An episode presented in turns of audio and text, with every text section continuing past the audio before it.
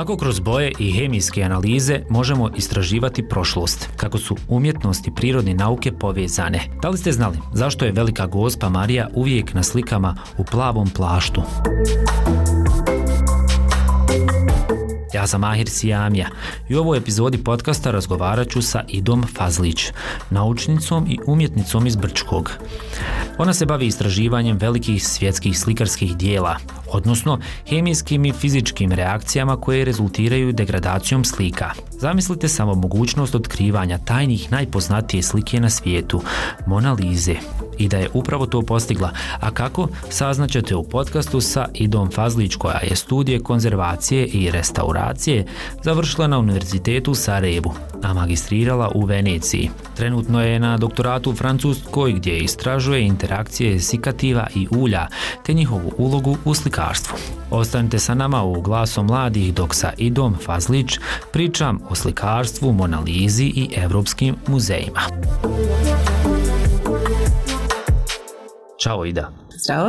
e, ona hvala ti što si došla u naš studio, Rade Slobodne Evrope. Hvala na pozivu. Zadovoljstvo mi je pričati jutro s tobom i radujem se našem razgovoru.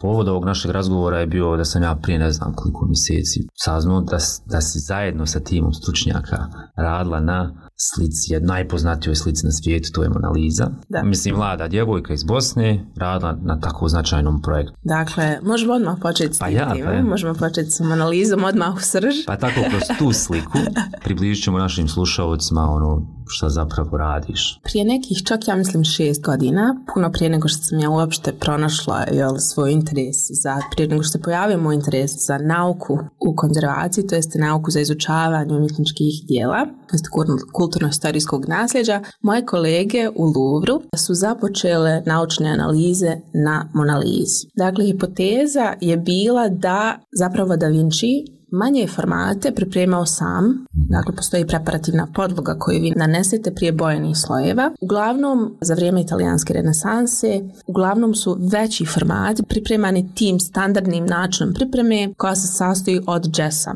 To je kombinacija gipsa i tutkala, dakle životinskog ljepila. To je bio standardni način pripreme i takve formate su umjetnici poput Da Vincija mogli da kupe gotove i onda im je to olakšavalo kasnije posao, pogotovo kad se radi o velikim slikama.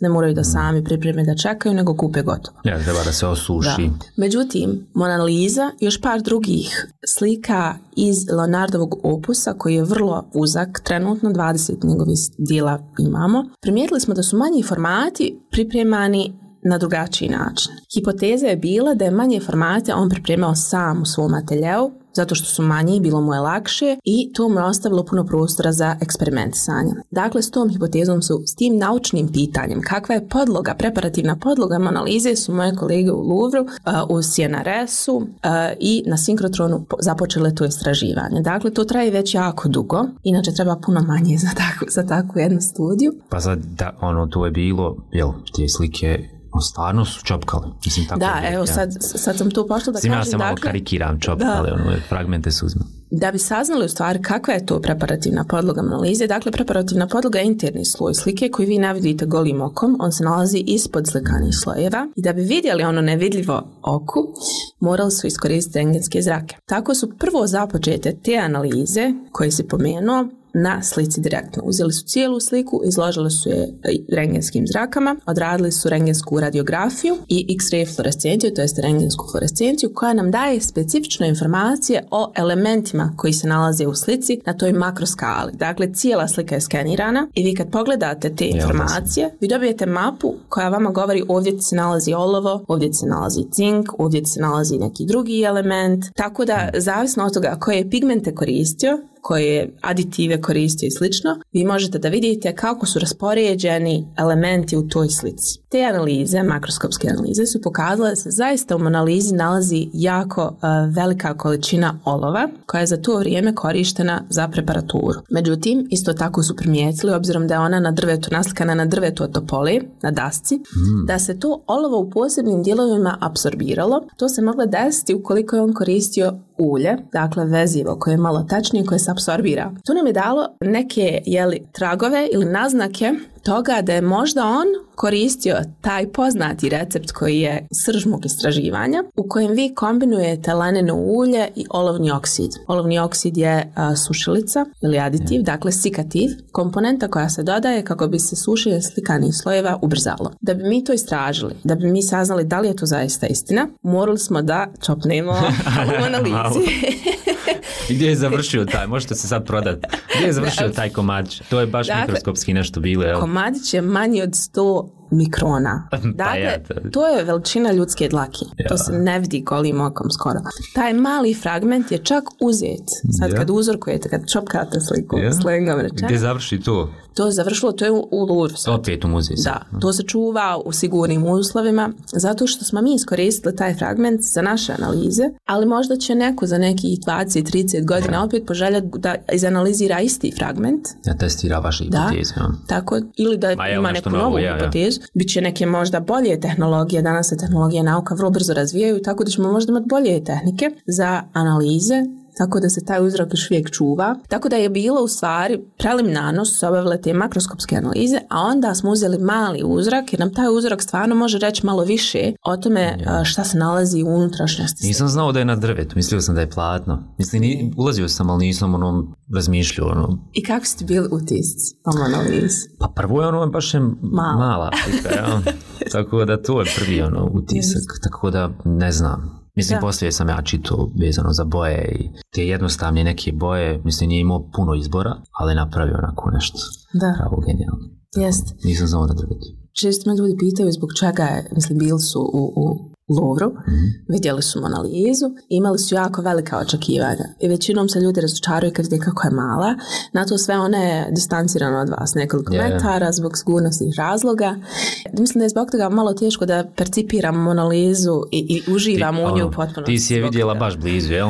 Pa približila sam se koliko god sam, kao i, ja. E, i svi ostali ja, e, e. posjetioci, nije slika došla kod nas. ja, samo Ali mali uzorci jesu, ali sam jako dugo dok sam pripremala se sadržaje za tu objavu, jako dugo sam je posmatrala, jako dugo mhm. sam je izučavala. Mislim da se, da postoji više razloga zašto je ona tako važna i specifična yeah. istoriju umjetnosti. Ali hajde sad da pojasnimo našim slušalcima. Imamo dvije, dvije neke grane tvog zanimanja tu je restauracija i konzervacija. I sad koja je razlika, ja tu nekako lajčki iz nekako pojmovno kad kažem, tu imamo restaur, na nešto restaurirati, popraviti, a ova konzervacija je tu bilo konzervirati. Da, sačuvati. Pa upravo u, o tome se radi, mislim sama terminologija govori. Mm. Zavisi opet, moram naglasiti da vi imate različite škole konzervacije i restauracije. Sad mi se najviše ugledamo na tu italijansku školu koja pravi razliku između konzervacije i restauracije, ali u nekim dijelovima svijeta se ne pravi velika razlika između konzervacije i restauracije i ta dva procesa su nekako povezana. Za mene isto tako, ja to interpretiram kao konzervacija je minimalna intervencija, počinjemo uvijek od minimalne intervencije na djelu i više se fokusira na e, to neko dugotrajno sačuvanje. Ali restauracija se više bavi obnovom, to jeste vraćanjem tih nedostajućih dijelova kada zaista dio predmeta fali i kada morate da, da ponovo integrišete jel, te nedostajuće dijelove, to jeste da ih, e, da, da ih vratite u, kompoziciju, onda je za mene to nekako restauracija i uvijek se više pribjegava konzervaciji nego restauraciji, ta dva procesa jesu stvarno uh, Ali ova restauracija, povezana. ono, kad zamišljam, evo vi pored, sad hajde da znamo ono, sastav boja koje je koristio neki slikar, evo ako govorimo o slikama, ono morate znati tehniku. Da. Buda, ono, pored ove hemije, biologije i svega, svog tog egzaktnog znanja, to ćemo govoriti, morate znati stvarno i ono, historiju umjetnosti i, i, i, tehnike. Znači, morate znati slikant. Da, konzervacija i restauracija je stvarno jedno opširno polje, multi disciplinarno polje gdje vi jednostavno ne možete doći do uspješnog rezultata koristeći samo jednu disciplinu, fokusirajući se na samo jednu disciplinu. Zato je tako izazovno. Nije dovoljno čak ni da koristite jednu tehniku, analitičku tehniku recimo. Morate uvijek kombinovati više njih jer su slike toliko kompleksne. I baš kao što sam naglasio u toku mojih studija na Univerzitetu u Sarajevu gdje sam studirala konzervaciju i restauraciju, sad se više bavim kao što sam naglasio naukom, ali dok sam studirala konzervaciju i restauraciju mi smo recimo nekoliko dana u toku sedmice išli na liku Likovnu akademiju i tu smo učili čak kako da slikamo, kako da gradimo. Zna, znaš slikati, ili tako? Slikam povremeno pa ja. sama za sebe. Pa ja. Koji ja, ovaj, ja, ono, da, da je na Instagramu. Ali i čak smo imali grafiku, isto tako mm morali smo da, da, da, naučimo više o grafici, kako se pravi jedan print i slično. Juče sam sjedila baš e, sa Safetom Zecom, išla sam na njegovu izložbu i vidjela sam da je izložio neke novije formate, nove slike i sad e, vidim da on dosta eksperimentiše, znala sam ranije da on dosta eksperimentiše sa svojim materijalima i metodama i kad recimo razgovaram s njim, on meni kaže na obraćam pažnju na to kako ja gradim svoju sliku u smislu stabilnosti. On grabi ono što je njemu nadohvat ruke i ono što će mu dati na prvu taj vizualni efekt koji on želi. Ali ne razmišlja puno o tome, kaže ne zanima ga da li će se sutra raspast. raspast ja. Zato što je to moj posao i upravo je to srž. Dakle, A, da, znači ja sad kad neki ono jeftine boje, vi ćete poslije to popraviti. Je, pa okay. kad ja. Možda. Ajde sad evo spomenula si ovo, onaj, mislim, safet, naslika sliku koristi tako s različitim metodama, ali ti pored ovoga radiš na stvaranju aditiva koji će pomoći budućim, mislim umjetnicima, ne budućim, sadašnjim, svim umjetnicima, da se slike njihove brze, brže suše, jel? Da, jer ja, poveznica. Ja, jer ja sad imam problem kad ja slikam, mislim, radim ja ovo, jel, amaterski, ali nekad ono stvarno boje treba im da se osuša, ja nemam vremena jer tu je ono hobi koji, mislim, mogu dvoj, dva sata i ako imam neku inspiraciju, želim da je odmah, ono kao, mislim, ne bavim se profesionalno sada samo te i da, da ono slikam, da nam onaj, približi šta, mislim, pored ovoga pigmenata i kako mi boju da dobijemo, tu moramo razmišljati o sušenju i poslije tu da se ne raspadne da. taj pigment. Pa evo, vrlo par rečenica. Dakle, sad smo zaključili kako je konzervacija, restauracija generalno izučavanje kulturno-historijskih primjeta jako opširna mm-hmm. studija. Tako da se moje istraživanje, trajanju četiri godine, fokusira samo na te aditive, to jeste sikative. Ja istražujem u suradnji sa Rick za koji trenutno radim, te historijske sikative koje koristio Rembrandt da Vinci, ali istovremeno istražujem i te savremene koje industrija koristi. Izvini, ja vod koristi. Aha. Tako da je ono problematično. poslije sam, znači kako više slikam, kontam zašto voda ne može nikako biti taj dio. Neki stvar možeš samo sa uljem dobiti, ja Ja, A ovo što Safet radi, tu je ono dosta ulja.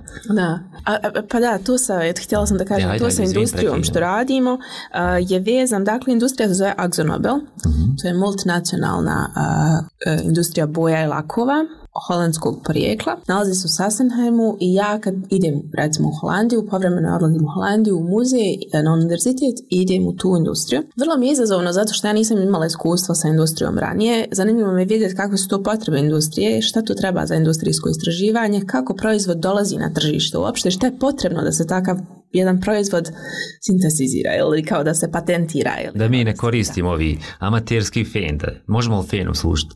ne možemo to... Možeš, možeš koristiti što želiš, zato imamo bolje da se to hemijski pa, sasluši. Uglavnom, za slušatelja koji možda ne znaju kako se gradi jedna slika. Dakle, imate pigment, imate vezivo koje veže taj pigment za podlogu i ako vi iskoristite samo te dvije komponente, umjetnici su jako često pravili svoje pigmente, mi ih danas kupimo u tubi, oni su pomiješani. ako iskoristite samo te dvije komponente, onda je potrebno čak nekoliko dana ili mjeseci da se sloj sasuši. Ali kad u to dodate metalni oksid, dakle, dakle to je sikativ, to je substanca koja je uglavnom metal i sadrži kisik u svom sastavu. taj kisik se odmah inkorporira u strukturu eh, recimo molekule ulja, mhm. reaguje sa sa, sa tim uljem i tako se okidaju, to jest kataliziraju, ubrzavaju se, reaguje zajedno sa, da, pa reaguje to je zanimljiva tema, yeah. to istražujem, reaguje zajedno sa drugim komponentama tog ulja i drugim, jel, drugim aditivima da bi dobili nešto sasvim. Zato je to tako kompleksno, ali za, da kako bi jel, ostali na jednostavnim terminima, ti metalni katalizatori se koriste, kako samo ime govori, kako bi ubrzali, to jest okinuli te reakcije oksidacije, to jest sušenja e, slikanih slojeva. Dakle, isključivo zato u vrlo malim procentima se dodaju, toliko je dovoljno da se ta reakcija samo ubrza, da se malo okinje. Onda znači. se vrijeme sušenja skraćuje na, na dan, dva, za nekoliko sati imate sasušen svoj To su te tehnike su koristili sad, saznajemo, kroz moje istraživanje, istraživanje mojih kolega, Da Vinci je koristio pri slikanju Monalizije koristio je olovu Ja da se mi razumijemo, nije samo slikar bio, on je bio da. zaista i, je se naukama bavio. Jeste, ja sam u toku tog baš kako spomenuo ranije u toktu tog istraživanja isto tako prolazila kroz njegove historijske recepte. Bilo mi je zanimljivo prije svega kako svaki puta tražila sam u tim receptima gdje spominje taj litarž. A litarž je termin za olovni oksid, dakle metalni katalizator, sikativ. Željela sam da saznam da li je on koristio, da li je bio svjestan upotrebe i efekta metalnog oksida i specifično te recepture kuhanjem sa lenenim uljem da li je možda on to koristio? Jer smo saznali ranije da je to Rembrandt koristio, ali to je 1640. a A ovamo imamo sto i nešto godina ranije Da Vinci koji je isto tako možda koristio te metode. I čak sam našla nekoliko mjesta da zaista spominje kako koristi tu recepturu, ali za tretiranje kože i kose. Bilo mi je zanimljivo da vidim da on zaista bio svjestan upotrebe tog recepta, kombinacije te dvije komponente, što nas je nekako navelo na to da mislimo da je on to možda koristio u svojoj slikarskoj praksi. Mhm. Dakle, možda je on bio utemeljitelj te prakse, što pokazuje da je bio veliki inovator, hemčar, a, fizičar i dok sam prolazila kroz te njegove skripte, zanimljiv je bio prije svega taj rukopis, ta njegova kaligrafija, gdje svaki puta kada napiše litaž, on to napiše istim istim manirom, istim stilom a onda po tome kako to objasnite, fizičke termine, recimo kad u kom, u kom dijelu dana, pod kojim uglom kad svjetlo pada na vaš, na vaš slikani sloj, kako se to reflektuje, kako to izgleda, ali to je sve opisano kroz fizičke skice, skice recimo koje bi našli u jednoj knjizi hemije ili fizike, tako da je bilo stvarno zanimljivo vidjeti koliko je inter- e, zato ono, ja, kad sad posmatram, ono, da se vratimo na onu rečenicu od početka kada si rekla ona, imamo samo njegov 20 slika, tako da on je možda slike koristio stvarno za ono, mislim ti danas koristiš drugačije tehnologije, ali možda je te slike ono, sliku je ovaj pokušavao da dolazi do ovih nekih saznanja. Da, apsolutno. Pa to nam je pokazalo ovo istraživanje, da on zapravo jako puno eksperimentisao, mislim da jedino smo kod njega sad našli eto te informacije i skoro je kolegica našla na noćnoj i Rembrandt noćnu stražu nekako pripremio koristeći tu kombinaciju lanenog ulja i um, tog sikativa.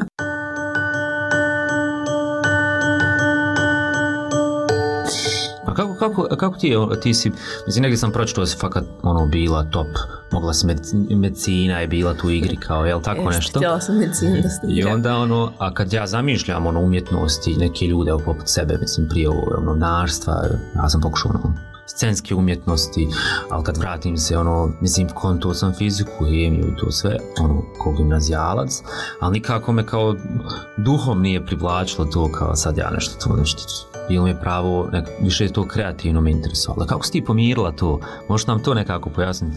Da. Pomirila to te neke prirodne nauke koje su zaista traže ono, neka znanja i vještine, mislim.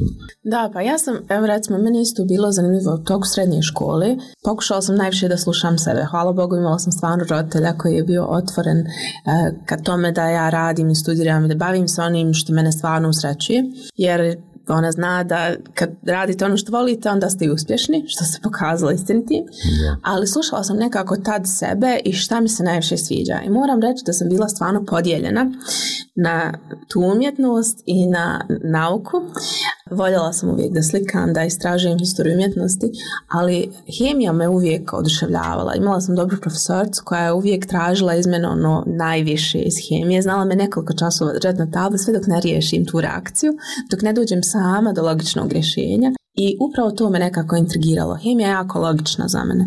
Mislim, jednom kad klikneš, kad razumiješ suštinu, onda se ide nekako lakše. Sim, to je taj centar gdje on to je najveći centar na svijetu, je li tako kako sam negdje pročitao? Sinkrotron, da. Yeah. Sinkrotron. Taj neki renginski išta. Jest, dakle, postoji negdje 40 sinkrotrona na cijelom svijetu. To su ustanove koje se bave ubrzavanjem čestica kako bi se dobila određena vrsta radijacije. Međutim, ovaj u kojem ja radim, jedan od najvećih, najvažnijih evropskih Pa je to zdravo, ovaj, one kad ulaziš? Ne, zato što mi koristimo, zapravo, ima smisla to što kažeš. Govorimo, mislim, znači, neće naš slušalac šta se nas odradio, ima one, one kecel je neki odjel. Op, a ja neki. da li ulaziš tako ono teška sad da te ne koristim to. Ne koristim kolege koriste, ali mi imamo znači e, mi smo zaštićeni od te radijacije kroz olovne štitove, jel, olovne zidove mm-hmm. koje spričavaju da ta radijacija dopre do nas i sve što treba da se odvije, odvija se u jednoj posebnoj prostoriji. Da, to liči ikonovni nuklearni neki da. elektrane. Da, Francuska ima dosta. Jeste, jeste, jeste. Slično je, ne znam, najčešće ljudi povezuju CERN. CERN je isto čestica. Yeah. Ovaj, CERN je vrlo sličan, tako izgleda. Ali isto tako mi imamo protokole, zdravstveni protokoli, imamo redovne preglede, medicinske, kako bi se izmjerili nivoi radijacije, neki kolege nose dozimetre gdje je potrebno i uglavnom postoji taj alara princip as low as reasonably possible, allowed, jel? E, tako da mi se izlažemo radijaciji minimalno, minimalno. Stvarno to, mhm. to nije, nije štetno za ljudsko zdravlje, barem se nadam, ćemo, ako mi zraste neki treći, treći oko, nešto, bit će nam jasno. Ali šalim se, uglavnom sve je provjereno.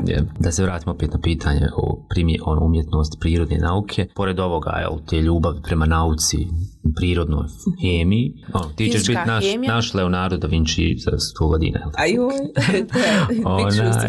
ne znam baš. Tvoja ljubav prema domovini, Tu si isto negdje spomenula u nekim milion tih razgovora koji sam pogledao. A pa jeste. Ja, i to je nekako meni bilo interesantno, jer razmišljanje o patriotizmu kao pojmu, jel, onda poslije imamo ti nekih još različitih degradacija tog patriotizma, da. gdje posebno pa, pa, na Balkanu kad, kad, kad posmatramo, ono, ljudi ono, ne mogu nekako da dosta pričamo o patriotizmu i, i svi nekako razmišljamo o tome. Ne samo u Bosni i Hercegovini, imamo u Srbiji Crnoj Gori, non stop su to neki priče, ono, državi, o, ali onaj, nisam nikad razmišljao na ovaj način kao ti o, državi. Ja mislim da nijedan patriota, jel kad bi sad uzeli patriote, ono, najveće, u, onako pitali šta je za vas patriotizam, na nijedan način način nisu ne razmišljali, to vidimo danas kad pogledamo naše gradove, jel, od Beograda do, do, do, Sarajeva, arhitekturom šta radi gradovima. Niko neće spomenuti taj neko jel, to nasljeđe prošlih generacija koji zaista, kako posmatramo, bitno za tu državu, jel?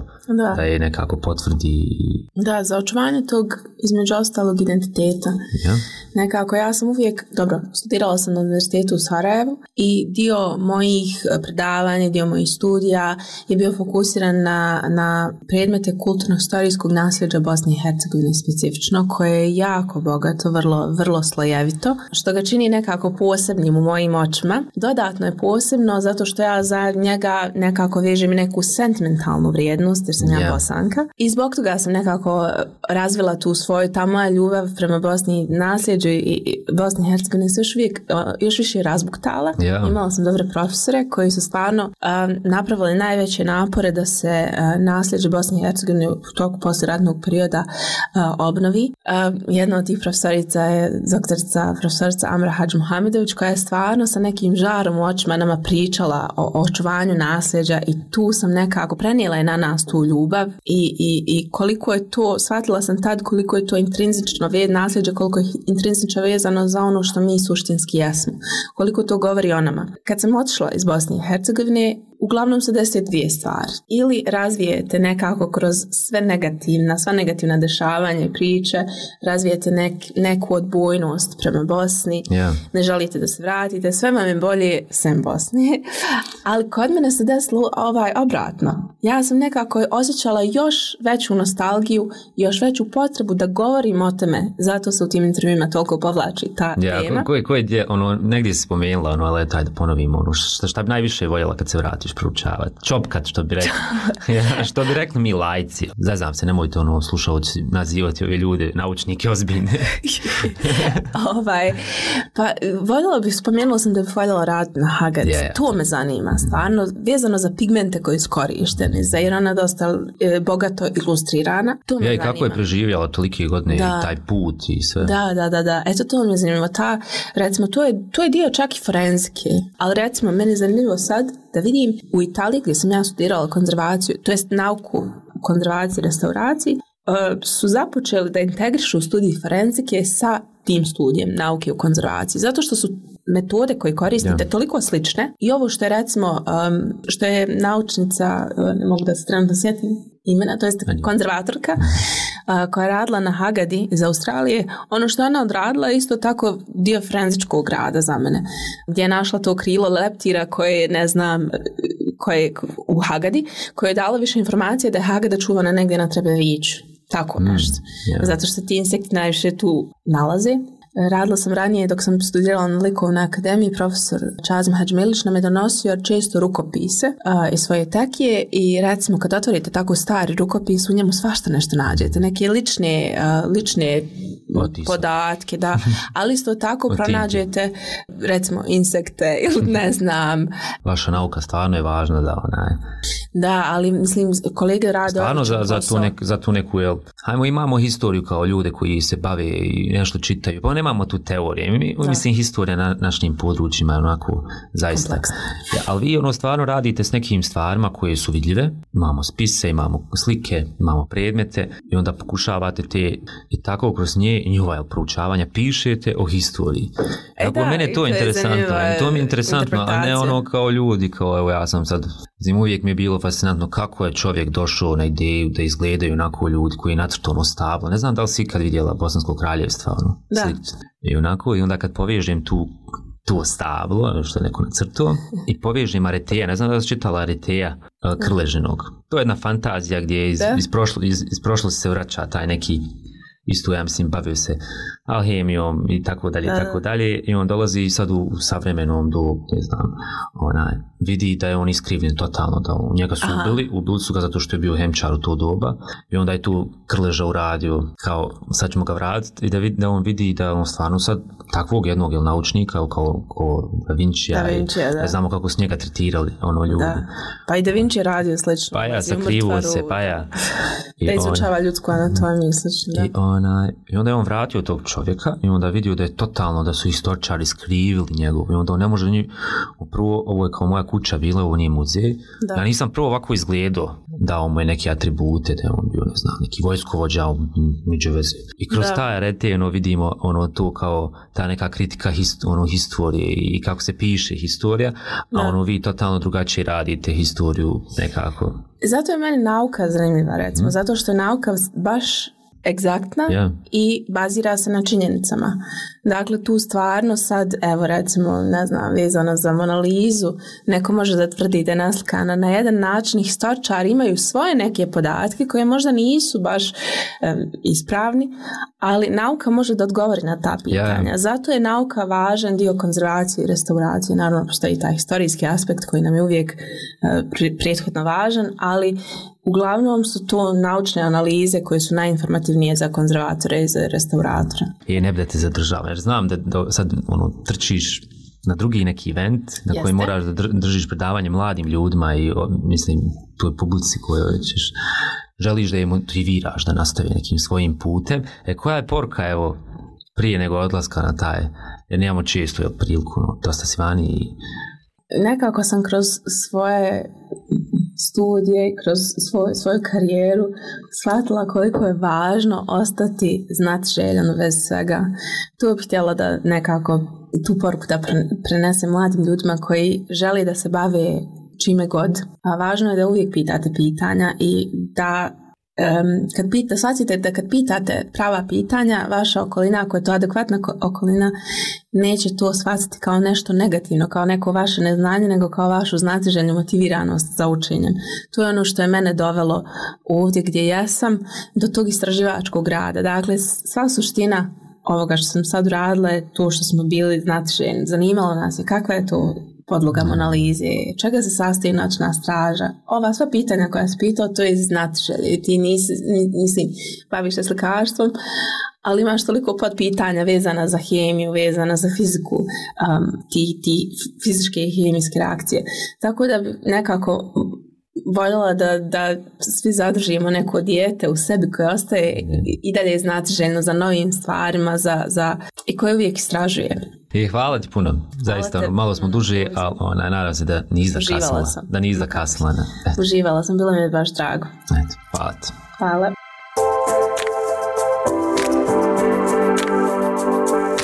Kada promišljamo o prošlosti, uz pomoć nauke i činjenica otvaramo vrata novim spoznajama koje obogaćuju našu sadašnjost.